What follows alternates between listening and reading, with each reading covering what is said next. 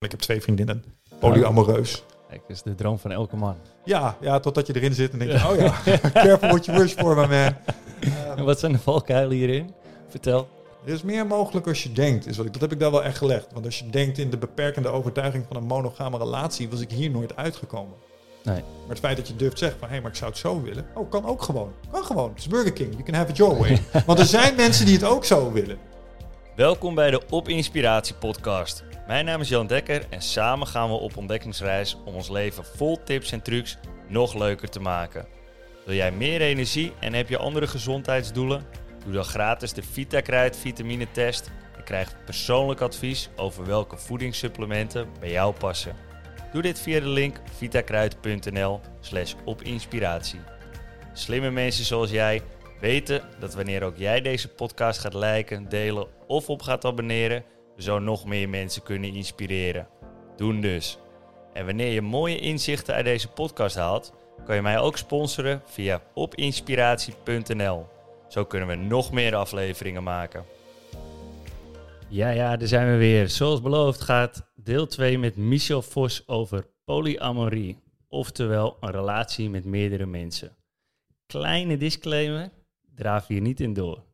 Veel plezier. Iedere man heeft natuurlijk fantasieën over eh, meer- heteroseksuele mannen, ga ik nu even vanuit, eh, over meerdere vrouwen in het leven die dat allemaal goed vinden en dat soort dingen. Eh, en dat is ook fantastisch. En ik zou het als ik weer voor de keuze stond ook allemaal weer opnieuw doen. Maar zoals met alles, er komt ook wel wat bij kijken. Ja, logisch. Ja. Heel veel. Bij een normale relatie ook natuurlijk. Zeker. Maar hier dus ook. Ja. ja, wat een van de belangrijkste dingen hier is dat je echt transparantie en openheid is zo fundamenteel. eh, dat kan je niet overslaan. Dus eh, niks kan in dat opzicht ongeadresseerd blijven. En dan moet je echt, eh, moet je echt aan gaan staan. En Ja. Kijk, ik heb ook monogame relaties gehad. En dan heb je iets meer buffer erop. Omdat je zijn sommige dingen kun je voor jezelf houden. Of nou, komt nog wel een keer. Of ik kijk het even aan. Of wat dan ook. Maar omdat je hier met meerdere mensen te maken hebt. En het, het, het kan ook altijd even een beetje schuren. Want het is toch. Het zijn primaire emoties. Liefde. Soms kan er jaloezie of onzekerheid bij komen kijken. Vooral in het begin.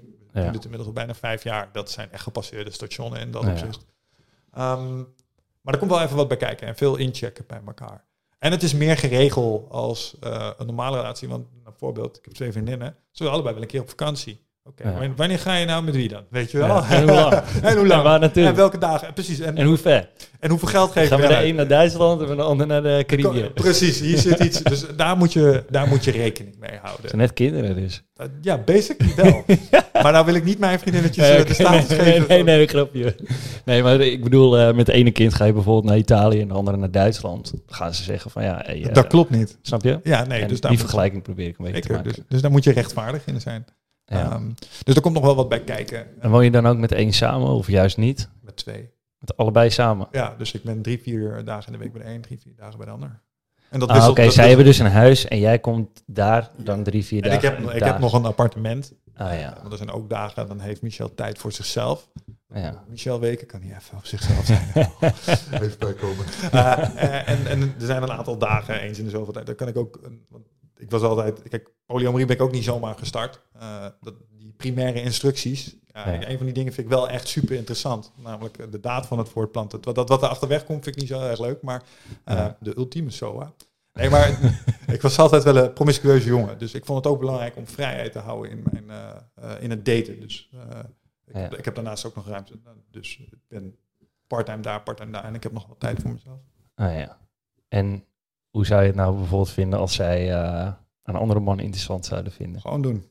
Oké, dus het is niet dat je Niet hypo- nee, het is niet hypocriet. Het is niet, Nee. Sterker nog, ik vind, dat, eh, ik vind het tof als mensen gaan voor wat ze willen. Ja. Dus eh, als het jouw grootste wens is om eh, naast mij bijvoorbeeld eh, nog een, eh, een liefdesrelatie te met hebben met iemand, omdat het een invulling geeft aan iets eh, wat je echt heel graag wil, en je gaat ervoor en je fixt dat, kan ik alleen maar mooi vinden, kan ik alleen maar aanmoedigen. Ben ik eh, bij wijze van spreken je grootste cheerleader? Ja. Eh, dat is echt eh, helemaal geen, nee, geen issue. Het blijkt alleen in de praktijk dat mannen daar toch, het is voor hun lastiger om iemand te vinden die daar wil aansluiten, als, Ja, dat, als dat dat voor mij blijkt in de praktijk. Dus vrouwen zijn flexibeler. Zijn daar makkelijker in, ja. En, en vooral mannen vinden het niet zo'n heel fijn idee dat ze te maken krijgen met een relatie waar al iemand in is. Ja. En daar ook al een soort van zijn, zijn dingetje in heeft. En dat ze zich daar dan een soort van uit moeten schikken. Dat schuurt een beetje met het ego of zo. Heb ik het, ja, of misschien een beetje de alpha man. Ik ben de enige. En Ja, de nou, aap op de rots. dat, dat. Ja. Ja. snap ik wel, ja. Terwijl, terwijl eh, als je daar een handig... Kijk, wat ik echt meteen te gek vond, is toen ehm, de meiden hun... eh, zeg maar, die hebben meteen contact gezocht met elkaar. Toen Ah, ja, ja. Dus, dus die hebben... En, en dat was zo grappig, want mannen zouden dan een beetje zijn van... Ja, maar ik wil dit, ik wil dat. Ja. Zij begonnen meteen samen te werken. Oké. Zo share the load, weet je wel. Van, Ja. oké, dan kan jij zelf toe dit doen. Oké, dat doen, verdelen we de verjaardagen zo. eh doe het met kerst zo. Ja, dan neem jij hem daar. Oké, check, weet je wel. Dus Oh, dat is handig. ja, dat is... Dus ja, jij was eigenlijk hun kind. Misschien wel, ja. hey. Hier ga ik even met iets ter overpeinzing weg, ja. Nee, dat valt, dat valt hopelijk wel mee. Ik denk dat het niet zo asexueel is als eh, Nee, op zo'n manier te veel voor een man moeten zorgen. Maar Nee. Ehm, nee, ik, ik, zie, ik, ik denk dat ik mannen dat toch wat minder snel en wat minder makkelijk met elkaar zie oppakken op zo'n Ja. manier. Als, dat, als je dat meiden ziet doen. Ja. Wat niet wil zeggen dat ze altijd eh, zo innig, eh vooral in het begin was je daar heel erg druk mee. En kun je dan wel je, je structuur van je dagelijkse leven daarin hanteren? Ja, ju- juist daarom. Maar Dus- je, je, kijk, je zegt natuurlijk, ik zit drie, drie dagen daar, dan vier dagen daar. Is dat niet moeilijk om, eh, omdat zij ook een bepaalde structuur hebben op dagen? Nee, nee, ja. Misschien is het omdat ik er boeken over schrijf dat het me makkelijk afgaat. Ja, Eh, want ik weet wat ik moet doen. Ja, Eh. De oplossing, en dat is, ehm, dat is een van de enige nadelen die ik aan de polyamorie eh, echt toch wel heb ontdekt, is de er is ruim, weinig ruimte voor spontaniteit. In de zin van, je moet wel gewoon duidelijke afspraken maken. Ik ben dan, ben ik daar, dan ben ik daar. Natuurlijk kan er wel eens geruild worden, allemaal geen probleem. Even in goed overleg. Maar ik bouw mijn week wel op rondom mijn aanwezigheid op bepaalde plekken. Ja. Dus ik ben maandag tot en met woensdag doorgaans in Dronten. Nou, dan is het handig, want ik geef lessen. En die geef ik daar, dat die lessen dan wel op die dagen zijn. Eh, en als het eens een keer op andere dagen is, tuurlijk, maar dan doe ik mezelf wel een soort van reistijd aan die misschien niet nodig is. Nee. Nou, en daar gewoon open over zijn, zeggen wat werkt, zeggen wat niet werkt, eh, over communiceren, soms een beetje onderhandelen, een beetje geven nemen. Eh, dat is daar wel voor nodig. Ja. Maar tegelijkertijd, als je dat één keer hebt staan, maakt het juist super gestructureerd. Ja. En als dat is wat je wil, dus ik vind een stukje regelmaat en voorspelbaarheid vind ik heel prettig, want dat, eh, dat elimineert allerlei energieuitgiftes. Eh, onnodig. Snap je? Het is een beetje hetzelfde als, eh, ik heb maar een paar outfits die ik echt draag. Scheelt keuzestress. Ja. Snap je? Dus dat is gewoon makkelijk. En wat levert het je verder nog op qua de variatie natuurlijk die het je leven extra brengt? Ehm, ik ben het ooit gestart omdat ik in al mijn monogame relaties uiteindelijk samenwoonde met mijn zusje. Je voelt dat het voelde alsof je samenwoonde met je zusje. Ja, dus de spanning was weg. De seksualiteit was compleet gone. Ik denk dat het heel belangrijk is in relaties om het spannend te houden. En dat Ja. is me een aantal keer, drie keer, echt gebeurd op de zevenjaarsgrens. Oh, ja. Ehm, en dan begon ik altijd op een andere manier mijn vermaak te zoeken en zo. En, eh, buiten, en wat voor manier? ja, buitenechtelijk Ah ja, zo. Ging ik vreemd. Ja. Ging ik de spanning elders opzoeken. Ja. Eh, en daar was ik ook helemaal klaar mee. Ja. Dus toen ging mijn laatste relatie ging uit. En toen had ik gezegd, ja, als het met deze niet doen. Die was echt picture perfect in dat opzicht. Snap je? Dus eh, dat was in principe helemaal niks. Dat, dat zat hem ergens in mei of zo. Dus Ja. toen had ik gezegd, ah, als ook, ik ga het radicaal anders aanpakken. En dan heb je dus een podcast en dan kom je in aanraking met mensen als Jan Geurts. Ja, Dan kom je in aanraking met mensen als Hanna Kuppen. Eh, en die vertellen je allemaal dingen over eh, zelf opgelegde beperkingen, eh, een stukje trauma's, maar ook laten je ook manieren zien waarop het anders kan. Ehm, en toen dacht ik, nou weet je wat, fuck it, ik ga het gewoon een keer doen. Ja. En, en het belangrijkste wat het me in dat opzicht brengt, is, ehm, wat ik ermee hoop eh, te doen, is het eh, over die zevenjaarsgrens heen krijgen. Dus eh, wat ik heel graag wil, is gewoon ook mensen voor, het- voor het leven, snap je? Dus waarmee ik oud kan worden, waarmee ik gelukkig kan sterven. En dus niet om de zeven jaar weer een nieuw persoon leren kennen, want dat is, ja. bouw je wel even wat op, maar uiteindelijk ook niets. Dus nog twee jaar. Ja, basically. Ja, maar dat gaat stukken beter als dat het bijvoorbeeld in voorgaande relaties ging op deze tijd. Dus ik zie wel degelijk dat dat een effect heeft eh, Ja. op de houdbaarheid van mijn eh, relaties. En ik denk dat het belangrijkste daarin is dat eh, de blootstelling aan mij gewoon wordt beperkt. dus je ziet me geen zeven dagen in de week. Nee, Ja. nee, de ene keer is het drie en de andere keer is het vier. Ehm, en dat houdt het, en dat is echt mijn theorie waarom het zo lekker loopt, dat houdt het leuk. Ja, het is inderdaad wel dat het, eh, je kijkt ergens naar uit. Ja, en ze, kijk, ik heb ook wel zo'n gevoel dat als ik naar mezelf kijk, naar mijn relaties, eh, en misschien is het iets wat je kent, maar de eerste jaren zijn fantastisch. En als Ja. ik dan even kijk naar hoe ik word gepercipieerd door mijn, eh, zeg maar, door de vriendinnetjes destijds, is de eerste twee jaar zijn, ze helemaal geweldig. Door tas doet zijn dingen. Ah, en dan op drie, jaar drie, vier, is wel heel fucking energiek de hele tijd, hè, weet je wel. Dus eh, het staat nooit echt uit. En, en dan komen ze ook in aanraking met, met de nukkige kantjes die je hebt. En, want Ja. ik kan ook een complete kluizenaar zijn. Want als ik een extraverte ding heb gedaan, dan kan ik soms twee dagen zeggen, eh, niemand, eh gooi ik alles uit mijn agenda, ben ik er gewoon niet. Sluit mezelf op. Ja. Ehm, en dat zijn allemaal nukken waar je mee te maken krijgt. En ik denk dat als je dat zeven dagen per week voor een aantal jaren hebt, ben je er op een gegeven moment helemaal klaar mee. Dat snap ik wel. Ja, dus het feit dat, dat ik nu maar drie, vier dagjes in die space shit, eh, ge- geeft ook ehm, daar gewoon ruimte om gewoon je eigen ding te doen. Ja, dat is inderdaad wat Jan Geurt zei in mijn podcast ook met hem. kies in eigen huis. Ja, en hij zegt dat met kinderen is het natuurlijk eh, niet heel praktisch. nee. Maar hij gaf het wel als advies. Ja, maar tegelijkertijd, eh, ik ben natuurlijk eh, vanuit mijn polyamorie en het daten daaromheen, kom je ook aanraking met allemaal mensen die hier ook dingen in doen. Hè, ik bedoel, het is eh, algemener als je denkt, open relaties. En soms is dat iemand die twee vriendinnen heeft, maar soms is het ook gewoon iemand die hebben verkering. En die hebben, dit van, die hebben ook naar Jan Geurts geluisterd. En die hebben in het begin gewoon gezegd, hey, weet je wat wij moeten doen? We moeten het spannend houden. Dus laten we het niet alleen bij onszelf houden, we hebben gewoon vrijheden. Ja. En dat gebeurt ook best wel vaak. En die hebben dan gewoon kinderen samen en die organiseren dat dan wel. Kan de een oppassen terwijl de ander deed en andersom. En het grappige is dat ik dat steeds meer om me heen hoor. En dan, dan moet je het wel voor je houden, zeg maar. Maar dan zegt ze, ja, ik eh, doe daar wel eens wat. En eh, dan gaan we samen naar een eh, De Fun for Two. Ja, of fucking Wasteland, weet ik veel. Ik ben één keer mee geweest naar zo'n fout feest. Ik, eh, je kent ze vast wel, de, de Wastelands. En er was nog zo'n eentje, hoe heette dat ook alweer? Maar dan moest je in ieder geval naartoe met... eh, eh, moest je omkleden. ja. Leer aan. Oh ja. Ik had, ik had een date, ik vond dat leuk. Ik ben helemaal niet van dat soort dingen, echt niet. De BDSM en zo, ik ben echt heel vanilla. Ehm, maar je, moet, je kwam daar niet binnen als je dat, eh, als je dat niet bij je, als je dat Ja. niet aan had. Dus toen heb ik de meest conservatieve leren outfit bij elkaar gesprokkeld die je kon vinden. Zijn er een Bermuda en een overhemd. Want die kon je in het... Oh, ja, ja, ja, ja, gewoon een overhemdje in het leer. Petje op. Toen dacht ik, nou oké, dit kan, hier kan... Ik beetje nou iemand- met je petje. Precies, als ik nou dus iemand tegenkom, dan, eh, dan valt het allemaal wel mee. En ehm, nou, ik durf het inmiddels wel te vertellen. Ik ga geen namen noemen, maar ik ben daar dus voor de eerste keer in mijn leven ben ik herkend. Ehm, ik weet niet of jij al een keer door je podcast ergens bent gespot, maar ja, Ja. Eh, is leuk. want Mensen weten blijkbaar wie jij bent en jij hebt geen idee wie dat zijn. Ja. Dat gebeurde mij dus daar, in die setting. Dus dat was al Heerlijk. echt zo van, hey, mag ik jou wat vragen? Jawel.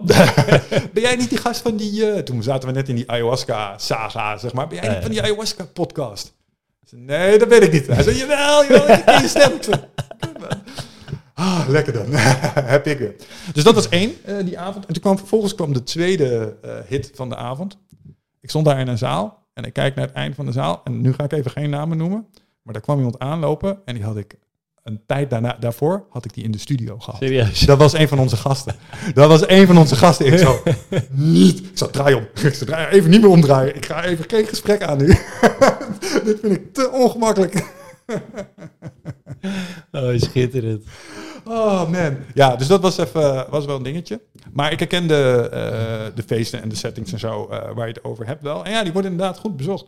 Ja. Eh, en er zijn meerdere plekken in Nederland die zeg maar de swingende scene wel kent. En ook dat is altijd best wel druk bezocht. Dus ik denk dat dat stiekem veel meer gebeurt als mensen Ja. laten weten. Ik denk ook dat het, goed, dat het best wel gezond is in dat opzicht. Een beetje variatie in je seksleven durven introduceren. En ben je, ben je dan niet bang dat ze na een tijdje misschien zoiets hebben... nou, ik vind het met die man misschien nog wel leuker... dus ik wil daar wat meer tijd mee gaan doorbrengen. Altijd een risico. Maar mensen bij je houden omdat jij bang bent om ze kwijt te raken, is uiteindelijk toch een recept voor rampspoed. Ja, dat is zeker waar. Dus ehm, wat ik daarin heb geleerd is dat hoe krampachtiger je wordt, hoe groter dat risico wordt.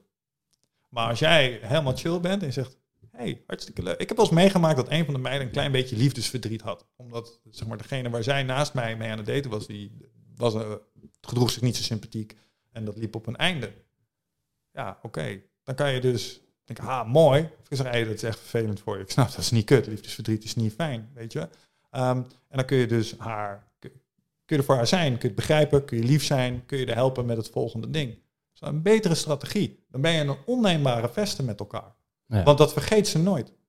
Snap je? Omgekeerd hebben ze dat ook voor mij gedaan. Dat vergeet je nooit. Dus zij hoeven zich nooit zorgen te maken dat ik word weggetrokken daar door iemand. Wat kan je in godsnaam brengen wat zij me niet al geven?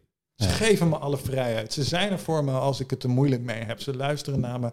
Eh, en nou, heel eerlijk, twee is wel genoeg. Dus, Oh ja. dus voor hun is dat... En omgekeerd net zo. Dus als je er heel krampachtig over gaat doen... dan bereik je juist het tegenovergestelde. Maar als je gewoon... Gewoon decent human being. Je bent begrip... Je houdt toch van die persoon? Dan wil je toch niet dat ze... Nou, en dan kun je ze toch helpen. Er zijn Ja. ook wel eens periodes geweest... dat vonden ze het eh, lastig. Omdat het bijvoorbeeld eh, even wat minder liep... eh, met, met het daten daar. Omdat jongens dat moeilijker vinden. Ja. Ja, nou, dan kan je daar toch gewoon sympathiek in zijn. En dan kan je begripvol zijn. En je kan misschien je eigen date een klein beetje aanpassen. Dus dan temporiseer je dat een beetje. Ah, dan doe ik er ook even iets rustiger aan. Je kan gewoon rekening houden met elkaar. Ja. Is wat ik daar zeg. En, en op het moment dat je dat kunt opbrengen voor elkaar. Ja, ik vind dat een uiting van liefde. Ja. Dat je zelfs in je onzekerheid in staat bent om ehm, iemand te helpen met iets doen waar je misschien in eerste instantie wel een beetje onzeker van werd. Maar je komt er ook achter dat die onzekerheid, ja, dat is gewoon een soort vals ding. Dat is niet echt. Dat, is, dat, is, dat bestaat in jouw hoofd. En dat wil niet zeggen dat het nooit is gebeurd dat in dit soort situaties niet mensen bij elkaar zijn weggegaan omdat er een kruisbestuiving heeft plaatsgevonden. Hè, dus eh, mensen gingen swingen eh, en ineens gaan er twee met elkaar weg. Ja, Ja. sure. Maar dat kon alleen omdat er al iets niet klopte Ja, op dat andere ding. En heel eerlijk, wees dan maar, en dan komen we weer bij Jan Geurts, wees dan maar blij dat het gebeurd is, want dan kan je het door. zat er toch al. het zat er eh, toch al. En als het niet dit was geweest, was het zes maanden later om iets anders. Ja. ja, dat is een beetje net als met, met stress. Je hebt heel veel stress opgebouwd. Uiteindelijk hoeft iemand één opmerking te maken. Iemand ontvlamt. En dat komt alleen maar omdat die stressberg al zo hoog was. Heb je wel eens een relatie verbroken? Eh, ja, samen. Ja, oké. Ik heb ook wel eens relaties verbroken. Het gaat altijd om iets kleins, maar dat kleine ding is nooit wat het is. Mijn laatste Nee. ging om een oplader. Kregen we zo'n ruzie om een oplader. Zo'n ruzie om een oplader. Ging helemaal niet over de oplader. Snap je? Ja. Maar het was wel het ding wat er uiteindelijk de, de tas liet pakken en naar de ouders liet gaan. Ja, oké. Maar dat was uiteindelijk maar beter, snap je? En als het dat niet was geweest, dan was het wel wat anders geworden. Want die Ja, klopt, oplader ja. is maar een... Ja, Dus, ja. ja zeker. Dus ik denk dat dat tegelijkertijd... eh, ja, het brengt risico's met zich mee. En ja, je moet soms met moeilijke gedachten aan de gang. Ehm, maar daar zit ook een leercurve in. Dus bijvoorbeeld jaloezie, dat is typisch zo'n ding. Nou, dat, daar heb ik wel een zwarte, bander, eh, een zwarte band op weten te ontwikkelen... om dat eh, gewoon goed... ehm, onder de knie krijg je het nooit helemaal. Als in het is er altijd wel, maar hoe je ermee omgaat. Ja. Dus je kunt het laten... Kijk, strive or thrive. Ga ik in de schaarste gedachten zitten? Of ga ik in de eh, bloei-groei gedachten zitten? Hè, waarbij ook dit een moment is waar ik er weer wat van kan leren. En hey, wat interessant dat je daar toch nog onzeker van wordt op je 43ste, terwijl je weet wat je meebrengt aan de tafel. Wat is dat dan? Snap Ja. je? Eh, en altijd weer de geruststelling. En dat is ook altijd wel leuk. En dan komen ze terug en dan word je gewoon weer, ah, het was leuk, fijn. En dan ben je gewoon weer... Dat is ook weer het voordeel. Hè? Je hebt elkaar altijd wel weer wat te vertellen. Als Ja, je, en- eh, Zeker als je gezamenlijk eh, op avontuur gaat, eh, kan je ook heel erg dat Bonnie en Clyde gevoel hebben. ah, ja. Want het, het hoeft niet per se een solo. Er kan ook iets eh, van een soort samenspel in zitten. Ja. Met elkaar. Het zijn niet per se alleen maar solo-acties. Ehm, samen naar zo'n feest gaan kan heel spannend zijn. Ja. Mensen hiermee willen experimenteren. Dus ik zeg, ga eens een keer een avond naar de Fun for Two zo. Kijk eens wat je daarvan vindt. Als begin. Als begin. Ja, en er hoeft niet eens wat te gebeuren. Want iedereen denkt dat, oh, dat is bij binnenkomst al. Nee, maar het is gewoon een disco in je onderbroek. That's it. En er is een zolder, daar kan je naartoe als je echt vuig wil worden. Maar dat hoeft niet, snap je? En dan kan je gewoon eens een keer kijken hoe het is. En alleen dat al kan voor sommige mensen zo prikkelend zijn... dat je daar je seksleven alweer een boost hebt gegeven voor, voor maanden. Ja. Er hoeft niet eens wat gebeurd te zijn, maar dan maar gewoon het idee... of gewoon eens kijken naar Ja, andere... precies, ja. Ja, ik weet het. Ehm, maar dat is natuurlijk eh, aan ieder op zich. Ik persoonlijk eh, merk nu al dat eh, het, het stukje polyamorie in ieder geval wel voor deze specifieke configuratie. Dus ik denk dat ik ook wel een bepaald type ben daarin. Ja. ehm, geeft het me wel heel veel rust. En eh, merk ik dat, eh, eh, dat daarmee de, ja, nogmaals de duurzaamheid van mijn relaties. Ik moet natuurlijk die tweejaarsgrens nu nog eventjes over, maar ik zie dat wel goed komen. Zeker als ik het vergelijk met hoe het in vorige relaties ongeveer op dit punt was. Ja. Dus eh, ja, nee, dat kijk ik wel uh, rijkhalsend uh, tegemoet. so far, so good. Ja, en is het dan ook zo dat, uh, kijk, jij hebt nu uh, met uh, twee mensen een relatie.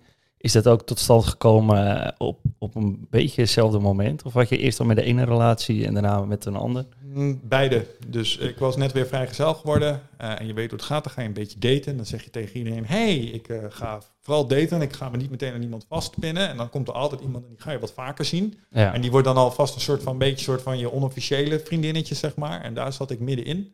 En toen kwam er dus eh, iemand anders ten toneel en zei: Oh, je bent een soort van vrijgezel. Oh, maar je bent ook al een beetje aan het daten met haar. Ah, ja. Oké, cool. En die heeft toen gewoon haar een bericht gestuurd en gezegd van... Hey, ehm, Mag ik ook met hem daten? dit is de deal. Ja, kunnen we hier iets mee? Kunnen we hier iets mee? ja, maar dat, en, maar dat is dus ook het ding. Die vraag kun je gewoon stellen. Is hier Ja. ruimte voor? Ja. Eh, en het antwoord is ja, daar is er ruimte En hadden voor. zij ook al eh, ervaring hiermee? Of waren zij ook nog Eh, blanco? Eentje wel, de ander wel had er nog geen ervaring. Evenveel mee als ik. In dat opzicht, ja, had wel eens relaties gehad. Eh. Maar nog nooit met, in zo'n eh, constellatie. En is het zo dat, eh, dat degene die daar wel ervaring mee had ook een beetje eh, leiding eh, nam daarin? Dat ze er zoiets had van, eh, we kunnen wel even met elkaar eh, wat dingen bespreken. Zo de kerst... eh, Nee, maar, nee, dat niet. Maar het heeft wel geholpen omdat zij daardoor wel de vormen al kende. Eh, dus het was al een keer gezien. Dus ze kende al Ah, ja. mensen die dat deden. Oh ja, nee, ja, ja, sure. Natuurlijk al dat, want ik weet dat zij en zij dat ook zo hebben gedaan. En eh, daar ziet het er op deze manier uit. En eh, oh ja, dat zou wel kunnen werken. Ja. Dus eh, dat, eh, dat is daar wel een voordeel geweest. Omdat ja, ik had zoiets van, oh, twee vrouwen willen graag verkering met me. You. Sure man, Count- me in. Ehm, ook geen idee hebben waar ik ja tegen zei, maar eh, ik zou het zo weer opnieuw doen. Dus dat Ja. wel. Ja. Ja. En hoe zie je het voor je in de toekomst? Nou ja, meer van hetzelfde. Dus als, als het plan verloopt zoals ik hoop dat het verloopt, dan word ik gewoon oud en gelukkig met deze twee vrouwen. En worden zij ook gelukkig met mij. En ehm, ja, ik heb, ik heb altijd gezegd, ik, ik wil graag ehm mijn kaarsje uitblazen. Ehm, wetend dat ik, eh, dat, zeg maar, dat, ik, ik hoef niet per se als eerste dood te zijn. Maar ik wil dit leven wel eh, uit met mensen waar ik om gegeven heb. Snap je? En dat kan een familie zijn, maar dat kunnen ook je geliefden zijn. Dus ik hoop wel hiermee een liefde neer te zetten die de tand destijds aan kan. Waarmee je lekker samen oud kan worden. eh, ja, Ja. Samen oud bestje worden. En samen Ja. zeg maar eh, de winter van je leven door. Maar op een mooie manier, zodat je ook kan terugkijken op iets. Wat, ah, was toch wel echt een kikkerritje dit, weet je Ja, wel. Ik ja, zie het volgende rondje weer. Maar ook zeg maar in hun aparte huizen. Ehm, nou, dat, kijk, als ik dit... Hier hebben we wel eens over nagedacht. Ja. Als ik het goed doe, ga ik als laatste dood. Want dan eh, hebben we geen praktische issues met van hoe gaat het nou. Maar ze hebben allebei toegezegd, als jij echt heel ziek wordt, dan zitten wij allebei aan jouw bed en dan Ja, houden we gewoon je handje vast. Eh dat komt allemaal helemaal goed. Ja. Ehm, maar het is wel het idee om dit iets te laten zijn wat, eh, wat voor life is. ja, deze situatie. Praktisch ja, gezien. o- ja, omdat ik weet van monogamie eh, is me gewoon niet gelukt in die setting. Ja. En dat, dat lag hem niet zozeer aan, ja, maar dan heb je de, de, de, eh, de true one love nog niet van. Nee, dat, daar geloof ik niet in. Het zijn Nee. gewoon, je hebt mensen die meer of mindere mate, mate van compatible zijn. En relaties hebben gewoon een bepaald verloop. Ja. En dit is volgens nog wel een hele goede strategie gebleken om het in ieder geval interessant en prikkelend te houden. Ja. Eh, zonder dat je meteen dus met je zus eh, samen gaat wonen. Want dat Ja. is wel zo'n beetje wat er nu altijd zo'n beetje gebeurde. Ja. Nou ja, en dat, dat kunnen we goed voorblijven. ja. Dus dit werkt voor jou. Dit werkt voor mij en het lijkt erop dat het voor hun ook nog steeds werkt. Niet onbelangrijk. Maar, maar kan natuurlijk, en dat is natuurlijk ook wel het mooie hiervan. ehm, er is ten alle tijde ruimte voor open zijn over wat wel en wat niet werkt. Ja. Dus ehm, kijk, het kan maar zo zijn dat het over een tijdje niet meer werkt. Of voor mij niet, of voor een van hen niet.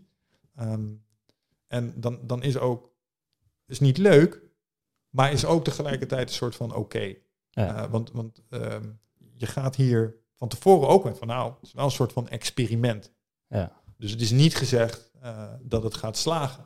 En eh, dan kan het zijn dat ik het heel erg tof vind, maar misschien eh, vindt iemand het over een tijdje, want mensen veranderen, eh, niet meer hetzelfde. En dan wordt het de uitdaging om dat dan ook vanuit een stukje positiviteit en liefde eh, te benaderen en te zeggen, oké, maar dan, dan is dit, dat doet wel even zeer, maar ik gun je tegelijkertijd echt ontzettend dat je dan wel iets vindt wat wel bij je past. En die vrijheid van bewegen moet er ook zijn, omdat ik ook denk dat een heleboel mensen bij elkaar blijven, omdat ze ook van, ja, eigenlijk voel ik het niet meer, maar ehm, ja, wie A zegt, moet ook B zeggen.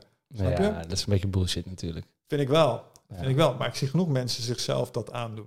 Ook voor kinderen, dat ze zeggen we doen het voor de kinderen. Maar waarschijnlijk is het beter als je uit elkaar gaat, omdat je dan weer gelukkig bent. Luister, man, ik heb vrienden die letterlijk zeggen... Ik zei, hoe is het? Nog twee jaar. En dan? Ja, is maar, is maar, is mijn jongste 18. En dan? Ja, scheiden. Jezus, jezus. ja, dus dat, ze zijn er, zeker. Ja, ze bestaan nog. Ja, ze bestaan zeker. Ja. En, en die, daarvan denk ik wel eens... Oh, ik zou toch willen dat je dat eh, bespreekbaar zou maken thuis. Ja. En dan hoeft het niet eens polyamorie te zijn... maar het feit dat je dit gewoon... Ik vraag me af of je erover praat. En Ja. ik denk dat als je erover zou praten... dat het hele verhaal misschien nog wel anders zou kunnen worden. Ja, klopt. Dat denk ik ook, ja.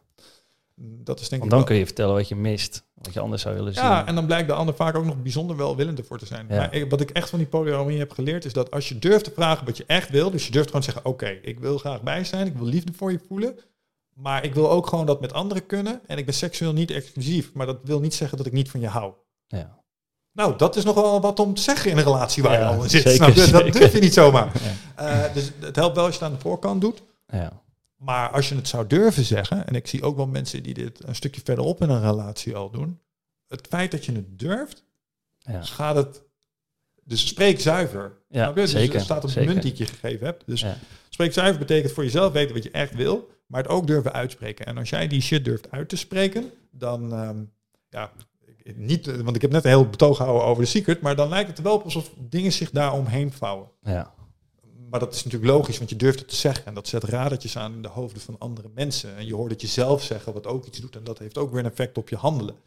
Dus ik denk dat daar een verband tussen zit. Maar er is meer mogelijk als je denkt. Is wat ik, dat heb ik daar wel echt gelegd. Want als je denkt in de beperkende overtuiging van een monogame relatie, was ik hier nooit uitgekomen. Nee. Maar het feit dat je durft zeggen van, hé, maar ik zou het zo willen. Oh, kan ook gewoon. Kan gewoon. Het is Burger King. You can have it your way. Want er zijn mensen die het ook zo willen. ja. En die het doen. Die het doen. Ja. En die ervoor opstaan. En dat kan gewoon een recept zijn voor geluk.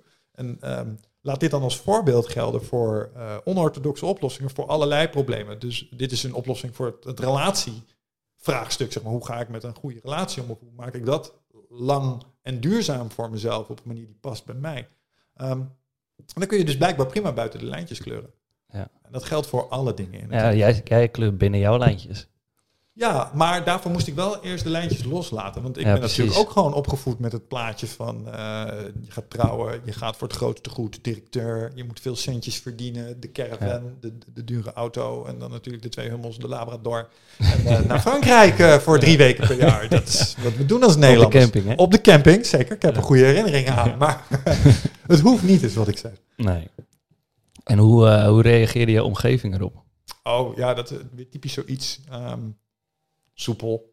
Oké. Interesseerde ze eigenlijk geen reet. Ja. Ja, ik, ik denk dat dat een beetje hetzelfde is met mensen die uit de kast komen. ja, klopt. Ik ken toevallig iemand die, eh, die uit de kast is gekomen. En eh, ik zat echt zo, oké man, prima. Ja, ja, ja, dus, dus En, en, en, en hij zat echt zo, hè, maar, hè, maar zal iedereen zo reageren? Ja, waarschijnlijk ben jij er veel meer bezig dan... eh, Yes, en ik heb dit al jaren voor me gehouden. Ja, en iedereen reageerde eigenlijk soepel. En eh dan zegt ze, hè, ja, oh, oké. ja, je kan er heel cynisch naar kijken of je kan er heel optimistisch naar kijken, maar nobody gives a shit. Ja, precies, Dat- dat, dat is het. Het is echt een spotlight effect op jezelf.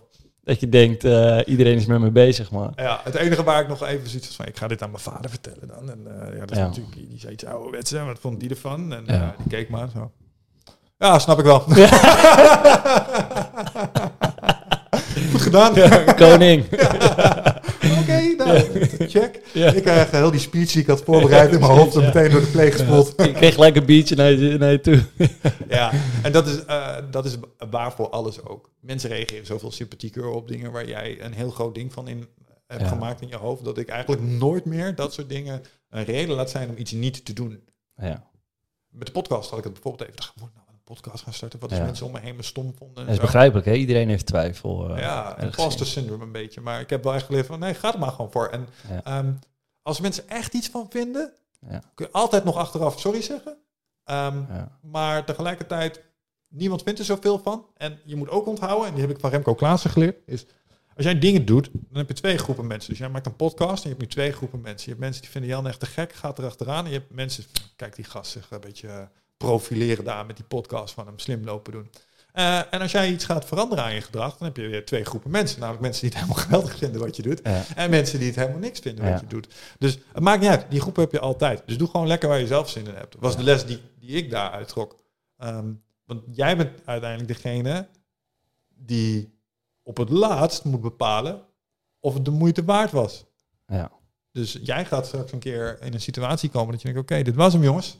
Ja. Life's over. Ja. Ik ga zo dood. En dan ga je terugkijken. En dan ga je het of te gek vinden wat je hebt gedaan. Ja. eh, of je gaat spijt hebben van dingen. En ik denk dat als jij je laat belemmeren door de mening van anderen in dingen die je echt wil, dan gaat dat dan gaat niet alles gaat één groot spijtding zijn, maar je gaat wel een paar spijtpuntjes hebben. ja, zeker. Want eh, er is best wel wat onderzoek gedaan naar eh, end-of-life regrets. Interviews met mensen die op een sterfbed liggen. En dat ging nooit over de Teams-meeting waar je niet bij zat. Snap je? Had ik maar bij die ene Teams-meeting gezeten, zodat ik dat werkoverleg goed genoeg, zodat die implementatie van onze software bij onze klant goed was geslaagd. Dat, dat is hem. Nee, dat is het nooit. Nee, Nooit. Het gaat altijd over liefde, tijd spenderen, passie. eh, eh, passie. eh, of je wel of niet je angsten onder ogen hebt durven komen. Of dat je er altijd een beetje voor bent weggerend. ja. Het, het zijn dat soort dingen. Dus ik denk dan, ja, ga daarvoor. Behandel dit leven als een soort examen. eh, waarbij je de laatste toets moet maken op je sterfbed. En het doel is om daar tevreden eh, dit leven uit te gaan. Dus tevreden over wat je hebt gedaan, hoe je het hebt gedaan en wat je hebt eh, bereikt. Waarbij dat laatste vind ik nog het allerbelangrijkste, of het, het minst belangrijke. Wat je hebt bereikt. Het gaat, het gaat mij om de, de manier waarop. Je kan, conform wat wij in de maatschappij ehm, misschien niet het hoogste goed zouden zien. Stel je toch eens voor, je zou, en dit bedoel ik niet zomaar, alleen maar een conciërge zijn. Ja. Het, gaat, het gaat om hoe je die conciërge bent. Ja. Snap je? Dus ja, oké, je was alleen maar een conciërge. Nee, nee, je was een conciërge. En eh, binnen conciërge zijn zit een hele gradatie, een heel spectrum. Je kan de beste fucking conciërge ter wereld zijn en dan kan je een fantastisch leven hebben geleid. Bij wijze van spreken. Ja. Ehm, en dan hoef je geen directeur of koning of minister-president voor te zijn. Dus wat ik zeg. Dus dat waar je uiteindelijk uitkomt, doet er nog het minst toe. De manier hoe je dat doet, vind ik. Ja, ja dat is eh, denk ik een hele mooie manier om, eh, om het eind in zicht te hebben. En dan te kijken van, hey, stel dat ik nu op mijn sterfbed zou liggen en ik kijk terug, zou ik het dan doen? Ja, en in het, in het boek staat een ehm, gedichtje van een ehm, Indiaans opperhoofd, Temuka. En eh, die heeft een gedicht over, over doodgaan. En wat de laatste regels van dat gedicht zijn, en dat vind ik echt zo fantastisch.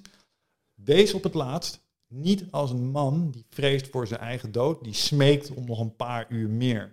Ja. Wees als een man, zeg maar, als een held, die dus zing je heldenlied en kom thuis als een held die thuis komt. En dat is hoe je dood moet gaan. Zo van, hé, hey, ik ben er jongens. ja, ja. Hebben jullie het gezien? Weet je wel? Precies, ja, dat is wel mooi. Dat, dat is hoe je dat denk ik zou moeten insteken. En niet van, oh ja, ja dat was niet zo'n beste hè. Ja. Ehm, nee, dus dat is wel echt iets, die resoneren heel sterk met mij. En dat is ook wel een klein beetje hoe ik eh, het leven probeer te leiden. Want er zijn sommige dingetjes waar ik wel echt van, oké, dit was wel even anders dan normaal, snap je? En als ik daar dan nu nog op terugdenk, dan denk ik, ja, oké, dat heb je toch gefixt. Ja, Heb je toch gedaan. Eh. En eh, ah, dat voelt goed. Eh, want je had ook een andere weg kunnen kiezen die minder nobel was. makkelijker weg. De makkelijke weg. In je eh, comfortzone. Precies. En hier zijn we weerstand onder ogen gekomen en hebben moeilijke dingen gedaan en is er iets stofs uitgekomen. En hey, het heeft nog mensen geholpen ook. Wauw.